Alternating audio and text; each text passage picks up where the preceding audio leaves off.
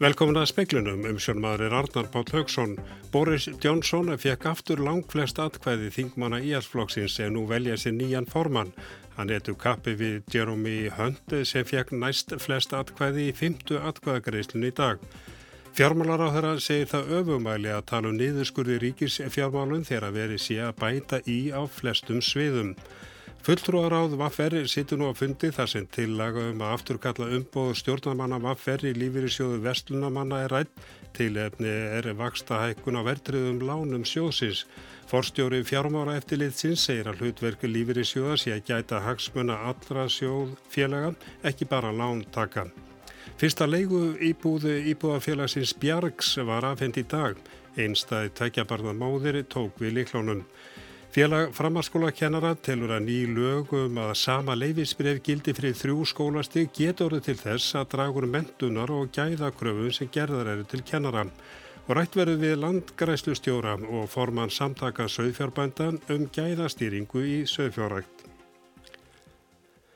Nú á sjötta tímanu var tilkitt um hvaða tveir frambjóndur komandi greina sem næsti formaðu breska íarflokksins, Boris Johnson, fjekk eins og í fyrri atkvæðagreistum flest atkvæði eða 162.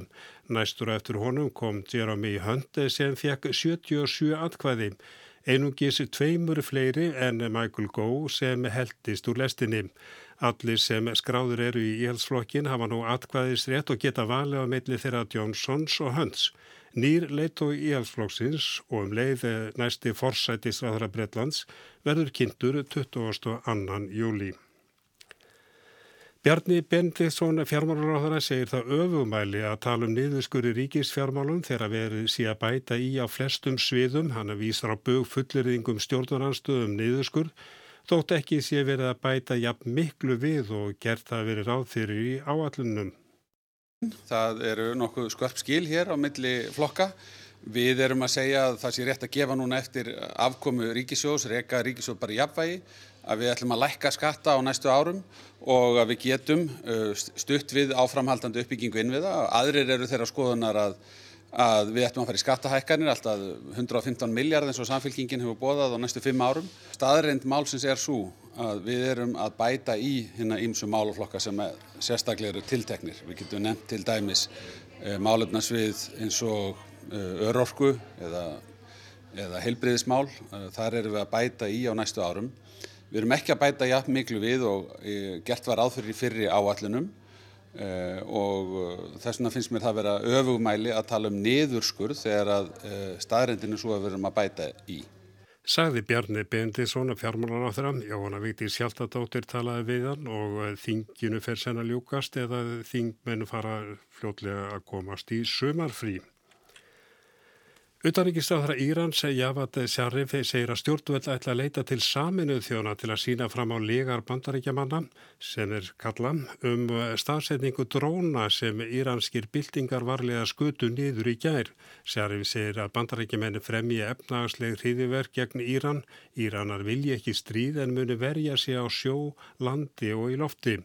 Íranar segja að drónan hafa flói inn í lofthelgi landsins en því hafnar bandaríski herin Hann hafi verið í alþjóðleiri lofthelgi en hann var þegar hann var skotið niður. Bandarískur hersöðingi segir drónan hafi verið 34 km frá landamærum Írans. Fulltrúarað Vaffer kom saman til fundar klukkan 6 til að ákveða hvort er áðið afturkalli umbóð stjórnamanna Vaffer í lífyrirsjóðu Vestlunamanna. Í stjórnunni hefur Vaffer fjóra af átta stjórnamannum þar af stjórnaformannin. Stjórn Vaffer telur að stjórn sjósins hafi broti trúna með því að hækka breytilega vexti á verðtriðu lánum á sama tíma og Sælabankin hafi lækka vexti og bendir stjórnun á að eitt megin markmið nýgerða kjara samningan hafi verið að stöðla af vakstalækkun svo heimilin geti auki rástöðun að tekju sínar. Stjórnulífur í sjósins vísar þess á bug. Fjármála eftir litið áréttar í yfirlýskum um sama mál þær kröfur sem gerðar séu til starfsemi lífur í sjóðan og segir að stjórnamennu lífur í sjóða sé óheimilt að beita sér fyrir því að sjóðunir séu nýttir í öðrum tilgangi. Unnur Gunnarsdóttir er forstjóri fjármála eftirlitsins. Tilefnið er fréttin um að velta stjórn uh, lífyrirsjós Veslunamanna og mæla sérstaklega fyrir um vakstastig á sjóðfélagalánum. Er þetta andstætt lögum? Það er ekki hægt að lesa þetta ótvíraðum hætti út á lögum en það sem við erum að benda á í okkar frétt er að eh, lífyrirsöðunir hafa það hlutverk að gæta hagsmuna allra sjóðfélaga, ekki bara lántaka heldur líka þeirra sem eru með sitt fyrir inni og eiga rétt á eftirlaunum og örorkubótum eða hvað kemur upp. Þannig að það þarf að gæta þeirra hagsmuna. Þetta var unnur Gunnarsdóttir í vitali við Þórdísi Arljósdóttur. Þörfi fyrir leiguhúsnaði til langs tíma á hagkvæmu verði er mikil. Er yfirlega þúsund félagsmenn ASI og BSRB eru nú á byggleista eftir íbúðum. Mikil, mikil uppbygging er framundan. 563 íbúður eru nú í uppbyggingu í Reykjavík á Akranes og á Akureyri. Tæplega 70 leyendur fá afhendar íbúður í júni og júli. Miða er við að greiðsluppiði leigu far ekki verið 25% af heildartekjum leyenda. Bjarg íbúðafélag fagnaði tímamótum í starfsemi félagsins í dag þegar fyrsti leyjandi félagsins fekk afhenda liklað íbúðið Móavegi Gravorvægi. Það var Katrín Einarstóttir einstæði tveggja barna móðir. Hún hefur búið um nokkur skeið í einu herbergi heima hjá forundur sínum, ásand börnur sínum sem eru fjögra og tíu ára gömul. Það er bara mjög, bara mikil spenna búin að vera og þetta er mjög mikil léttir líka bara að vera að koma með íbúð loksins, fyrir okkur þrjú. Ég held að alla sem er að stoppa fólk er bara leiguverði, það er ofhátt. Það er búið að fylla þær alla, það er búið að undirrita alla leigusamninga fyrir þær íbúðu sem á aðfenda núna á næstunni.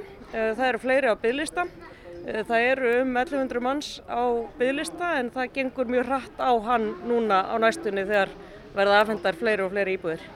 Og þarna hefðu við Drífur Snædal að fórseta ASI. Ný lög hveð áum að eitt leifisbrefi kennara gildi frið þrjú skólasteg. Lögin gæti orði til þess að dragur mentunur og gæðakröfum sem gerur til kennara. Þetta ekki með fram í umsögn félags framhalskólakennara. Ný lög um mentun, hæfni og ráningu kennara og skólastjórnenda við leik, grunn og framhaldsskóla voru samþygt á alþingi í gær. Með lögunum á að auðvelda flæði kennara á milli skólasteguna þryggja á samt því að auka starfsörgið þeirra. Liður í þessu er að gefa út eitt leifisbref fyrir kennara á þessum þremur stigum. Formaður félags framhaldsskólakennara Guðrýður Eldei Arnadóttir segir að með nýju lögunum gæti dreyið úr sérþekkingu og sérhæfingu kennara. Eh, við höfum eh, bara barist gegn þessari lagarsetningu og þá sérstaklega þessum hugmyndum um eitt leifisbref. Þar höfum við mestar áhugir af því að við séum að missa sérþekkingu út á framhaldsskólanum. Það verður að setja meira vald uh, í hendur skólamestara uh, um það hvernig þeir auðvisa eftir kennarum og hvaða kröfur þeir gera til, til kennara. Ragnar Þór Pétursson, formaður Kennarasambands Íslands, segir að með lögunum sé stuðlaða flæði kennara á milli skólastega og þar með hafi verið höggvið á hnút sem hafi verið nær óleysanlegur í meirin áratug. Ég held að það séu mikil tækifæri í þessu og, og vonandi ná að grípa þau og það verður mjög jákvægt. Það er líka óknir og, og hérna ef okkur tekst ekki að stemma stegu við kennaráskorti þá mun þetta eitt og sér ekki skila neinu í ákvæðu. Bæði segja þau laugin félagi sér breytingar á mentun kennara og það muni taka sinn tíma að laga mentunum á þeim. Ragnar segir að þau verði til þess að auka fjölbreytni í mentun kennara. Guðrýr telur að laugin muni hafa áhrif á samsetningu mentunar í framtíðinni en það geti komið niður á sérþekkingu kennara. Katrín Ásmundsdóttir tók saman. Verslunarskólinn, mentarskólinn við Sund og Tekniskólinn eru vinsælustu framhalskóla landsins, ég teki með af óskum nýnema um skólavist. 4077 nefnendur sótum framhaldsskólavist fyrir haustið eða rómlega 95% nefnenda sem lögu grunnskóla í vor. Umsóknarfrestur var til 7. júni og geta nefnendur sótum tvo skóla. 96% nefnda fengu inn í skólum sem eru völdu sem fyrsta eða annað val.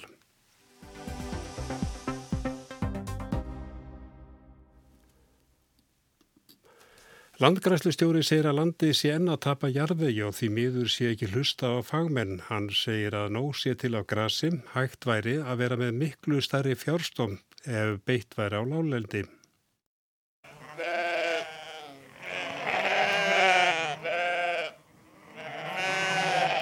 Ólafur Arnalds, professor við Landbúnaðarháskólan, gaggrínir í nýri skýslu hvernig staði er að gæða stýringu í söðfjárakt þegar kemur að landnýtingum.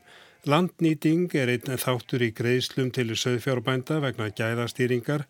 Kröfur eru gerðar um að beit sé sjálfbær en Ólafur segir að hugtaki sjálfbær nýting sé misnotað í tengslu við gæðastýringu í söðfjárakt.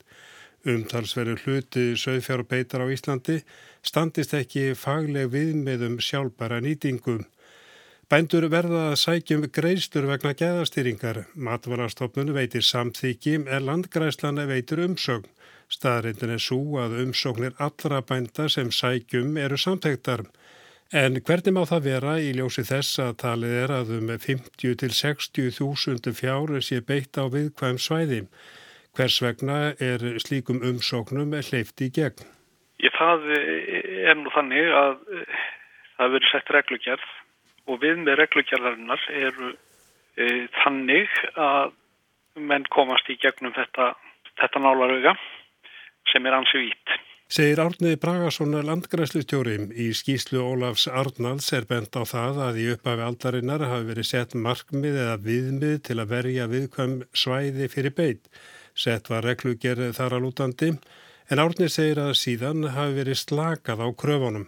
Landgræðslan hefur í gegnum árin alltaf mótmælt því og telur að kröfurna séu alls ekki nógu uh, strangar. Í umsögnuna landgræslunar hefur því verið mótmælt að matvalastofnuna samþeki landbóta áallanir fyrir veststötu afréttina og framlengi gildistíma þeirra aftur og aftur. Með því sé verið að fara gegn öllum faglegum forsöndum og skilgreiningum á sjálfbæri landnýtingu. E, þetta er það sem er kjarnimálsins að e, það hefur ekki verið farið að kröfum eða, eða eftir þeim skilgreiningum sem almennt eru gildi á sjálfbæri landnýtingu. E, menn hafa e, því miður ekki vilja hlusta á fagmenn Árniði bendur á að fáir efustum veiðir ágjöfu fiskifræðinga sem byggist á sjálfbæri nýtingum. Sjálfbæri nýting land sé ekki komin svo langt. Það verður ekki viljið til þess að hlusta á fagmennina og það er gert lítið úr faglegum sjónamiðum og eh, faglegri þekkingu þeirra vísindamanna sem að er að vinna þessu sviði. Hann bendur á að landnýtingu hér standist ekki alþjóðlega viðmið í nýjum lögum um landgræsluna sé hveð áum að sjálfbar nýting verði skilgreynd. Hann bendir réttilega á að það sé alls ekki verið að tala um að allt sé í ólægi. Við erum að tala um innan við 20% af heldar, eh, heldar framleiðslu lambakjöts á Íslandi. Það eru þessi illaförnu svæði, illaförnu afréttarlönd sem að ekki standast þessa mælikvarða.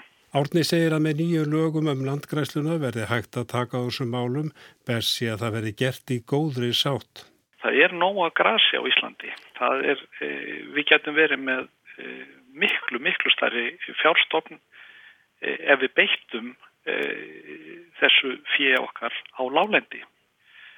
Það að reka fjö upp á hálendi á svæði sem eru illa farinn og þegar menn er að reka á uh, svæði sem eru kannski yfir uh, 400 metra hæð, 400-500 metra hæð uh, það verður bara að hafa í huga að þetta land, það fer hægar af stað, það er lægra hittastíð á þessum svæðum gróður fer hægar af stað og hann fóli miklu, miklu minni í beit og minni áföll.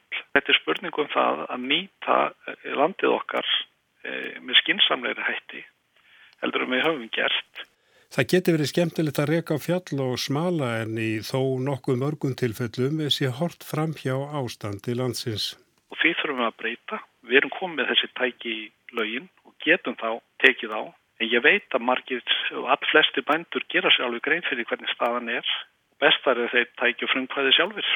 Í nýju lögunum sé hvið áum að sett verði sjálfbær viðmið nú sé unnið að því. Það er ekki að tala um sjálfbara landnýtingu á landi sem, sem, að, sem er orðið svo illa farið að e, einhvers e, lífræðilegi ferðlar ganga eðlilega fyrir sig. E, þegar vassbúskapur er algjörlega úr öllum skorðum settur vegna þess að það er engin gróður sem að eða jarðvegur sem heldur í raka eða næningarefni. Það er e, þannig því miður sem að e, ástandið er á sömum svæðum. En ég ítrekka enn og aftur að við erum ekki að tala um þennan vandanima á hluta á landinu. Við erum að tala um innan við 20% af þeirri beita nýtingu sem við erum með og við vitum hvað þessi svæði eru. Þeir sem er að nota eða nýta landi, þeir vita þetta líka. Þetta er spurningum að menn stýði þetta skref.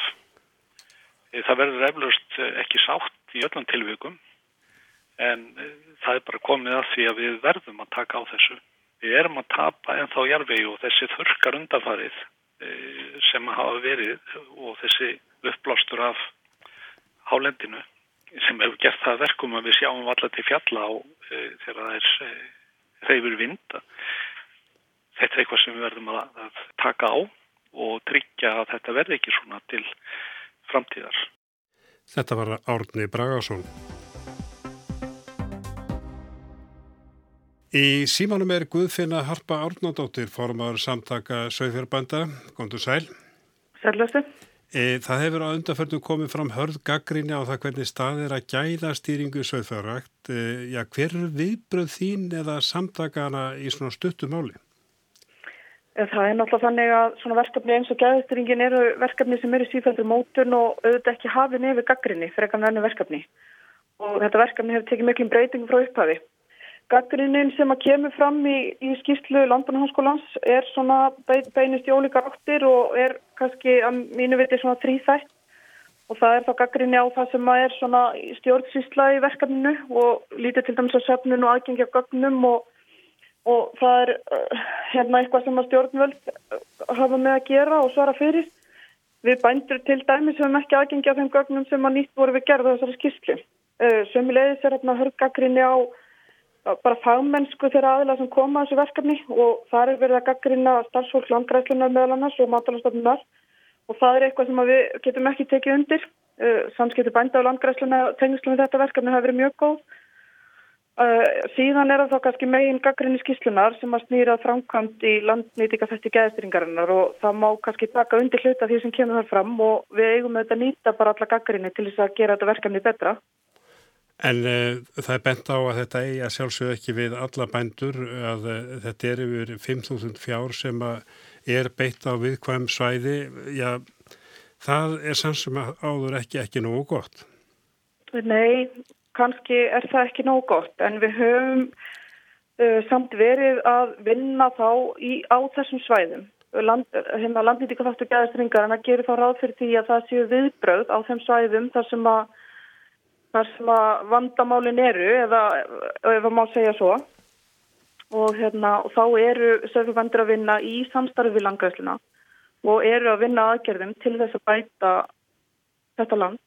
En sann sem áður þá heyrðu við að Árni Bragarsson hann hefur stöðut mótmælt eh, því hvernig stað er að málum en stofnunin eh, ja, vottar eða uh, fer yfir umsóknar vegna þess að greinagerðin er þannig núna eða, eða reglugerðin að það er náttúrulega alvarlegt mál að það er ekki um sjálfbæra nýtingu að ræða.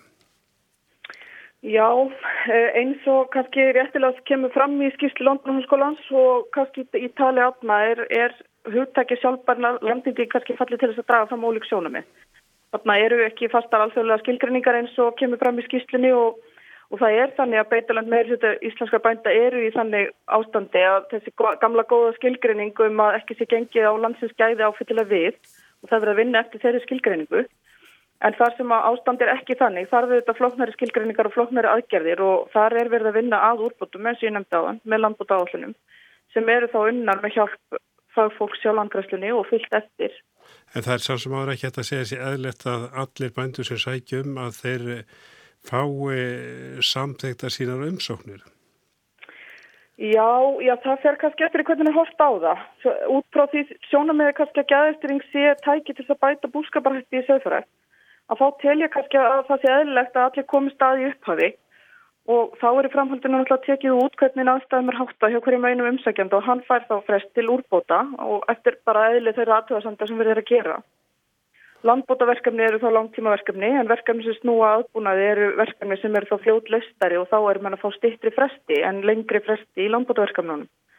En... Og mér veist kannski ekki óeðlegt að við að ferðlega sem sagt ef að bendur eru að sinna því að, að, að vinna úrbótum að þá erum við að, hérna, með betri búskap með til, til þess að þátt á eftir.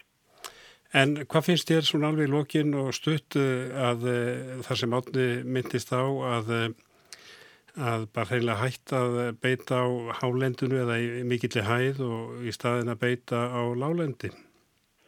Já, það eru þetta ákveði sjónamið og, og hérna, eitthvað sem við eigum auðvitað kannski að vera ofin fyrir að ræða en það er samt má ekki gleyma því við erum að tala um þarna, lífsviðvari fólks, við erum að tala um áratjóðu uppbyggingu fólks í sínu búrastri með þessi réttindi og það er ekkit alltaf kannski alveg eins auðvelt að, að hérna, komast að því að bæta þessi réttindi eins og að segja það. Þetta snýst sannsagt ekkit uh, kannski beint um að hérna, við viljum ekki bæta ástandið heldur bara að þetta er ekki alltaf eins einfalt eins og, eins og að segja það. Þetta, við komum sér lengra Guðfinna Harpa Arnóndóttir, þakkaði kælaði fyrir. Takk fyrir. Og þáttur Svíþjóðar, sænskýri stjórnmálamenn og fréttarskýrindur hafa ítrekkað sakað kýmið stjórnvöldum fjandskap og óðarleg afskipti síðast árið. Áreikstrar í samskiptum ríkjana hafa tekið á sig margvíslega og jafnvel furðulega myndir. Grátandi ferða fólk á gödum með Stokkólms, viðhafnar aðtöfni sem aflýst var á síðustu stundum og laurugluransókn á sendir að Svíþjóðar í Kína eftir leinifundi í Stokkólmi. Kári Gilvarsson sem er í Svíþjóð tekur nú við. Eftir síðustu vendingar í samskiptum Svíþjóður og Kína eru uppi háverar kröfur um að sænsk stjórnvöld móti skýra stefnu um það hvernig haga eigi samskiptum við fjölmennasta ríki heims. Stjórnmálaskýrindur segja að kínversk stjórnvöld seti nú sérstaka pressu á yfirvöld og fjölmiðla hér í Svíþjóð. Þetta sé jafnvel hluti af einhvers konar tilraun til að sjá hverju hægt sé að fá áorkað með því að setja þrýsting á lítið land. Uppákomunar eru margar og kannski alveg hægt að segja að þær séu nokkuð skrítnar að minnstakosti það atvik sem fyrst beinst í kastljósunum að samskiptum ríkjana. Í septemberi fyrra varð myndskeið af tveimur grátandi eldir í kínverskum hjónum á götum Stokkólms kveikjan að minniháttar milliríkjadeilu.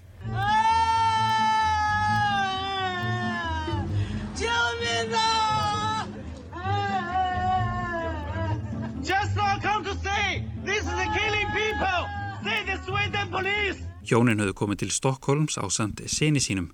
Fólkið átti bókaða gistingu á hóteli en mætti þangað kvöldið áður og gerðist þölsetið í andiri hótelsins og virtist ætla að býða af sér nóttina þar til það geti fengið herbyggi sín.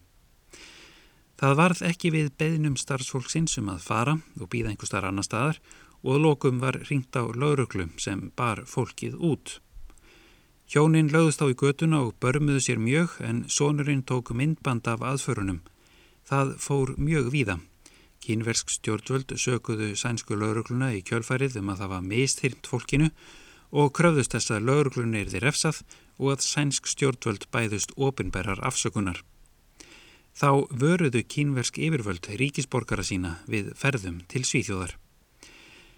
Viðbröðin hér í Svíþjóð engjendust kannski fyrst og fremst af undrun en svo fóru að þeirra drattir um að kínversk stjórnvöld væru að prófa sig áfram. Einn þeirra sem heldur þessu fram er Jerker Hellström sem starfar við rannsóknarstofnun í varnarmálum sem heyrir undir sænska varnarmálaráðanitið. Hann telur að að hluta til sé málið einskunar tilraun kínveskra stjórnvalda sem vilji sjá hvernig sænsk stjórnvöld bregðist við þrýstingi. Þá hendar það ágætlega, segir Hellström, að Svíþjóð er tiltölulega lítið land og því hættulöst að beita sér gegn því. Kanski skiptir líka máli að svíjar tala ofta máli mannréttinda á alþjóðavettvangi. Jerker Hellström segist ekki þekkja til neitna hliðstæðir að dæma. Svipaðarkenningar eru nú uppi um ástæðu þess að kínverski sendiherran hér í landi hafi síðustu misseri aftur og aftur gert aðtúasemtir við fréttaflutning sænskra fjölmiðla af málöfnum Kína. Um miðjan mæ gerði hann til að mynda alvarlegar aðtúasemtir við að Tæfan væri líst sem sjálfstæðu landi í leiðara dagbladsins Nerikes Alejanda. Þetta fæli í sér árás á fullveldi Kína. Sænskýr blaðmenn og stjórnmálaskýrindur hafa brúðist ókveða við og sakað kínversk stjórnvöld um að reyna að grafa undan fjölmila og tjáningarfrelsi í Svíþjóð. Sumir telja jafnvel að um einhvers konar herrferð sé að ræða. Björn Jærden, rannsakandi við Uturíkispolítiska institutet, segir að Kína standi nú í sérlega harðri áróðus herrferð gegn Svíþjóð og sænskum fjölmiðlum.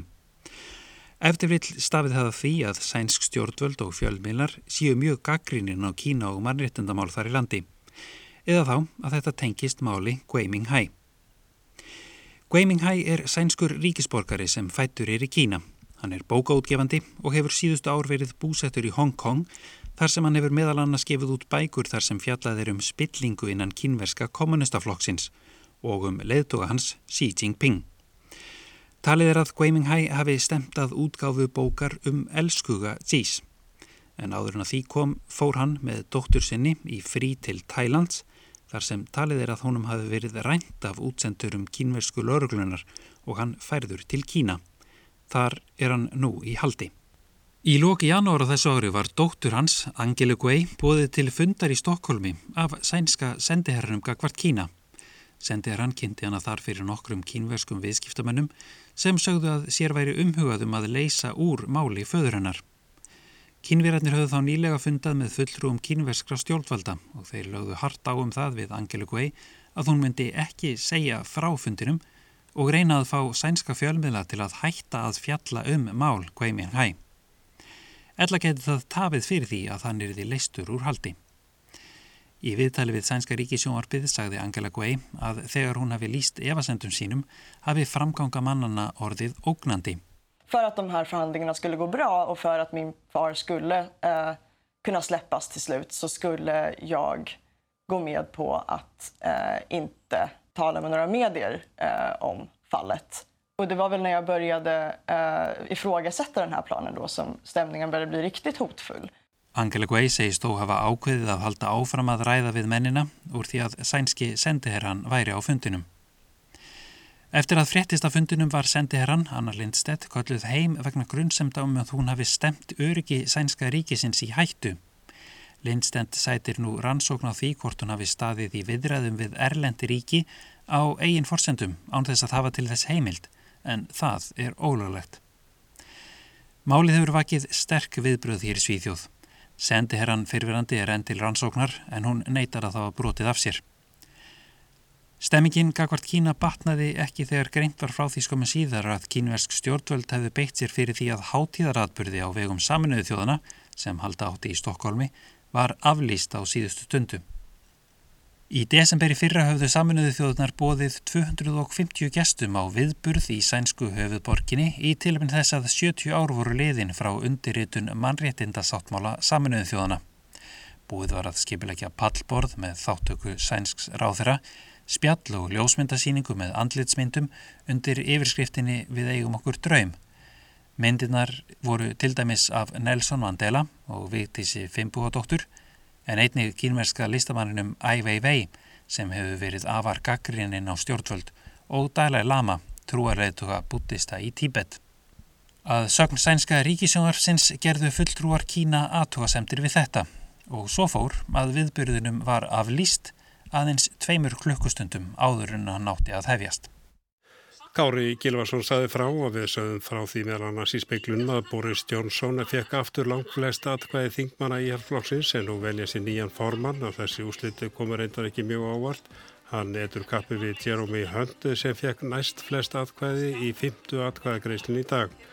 Fjármálarahöðram segir það öfumæli að tala um niðurskurði ríkisfjármálum þegar verið sé að bæta í á flestum stöðum. Og þingmenn er ræða enn fjármála áætlun og fjármála stefnu, tveir eru nú á mælendaskrás og það má búast við að það bresti fljótlega á atkvæðagreyslu.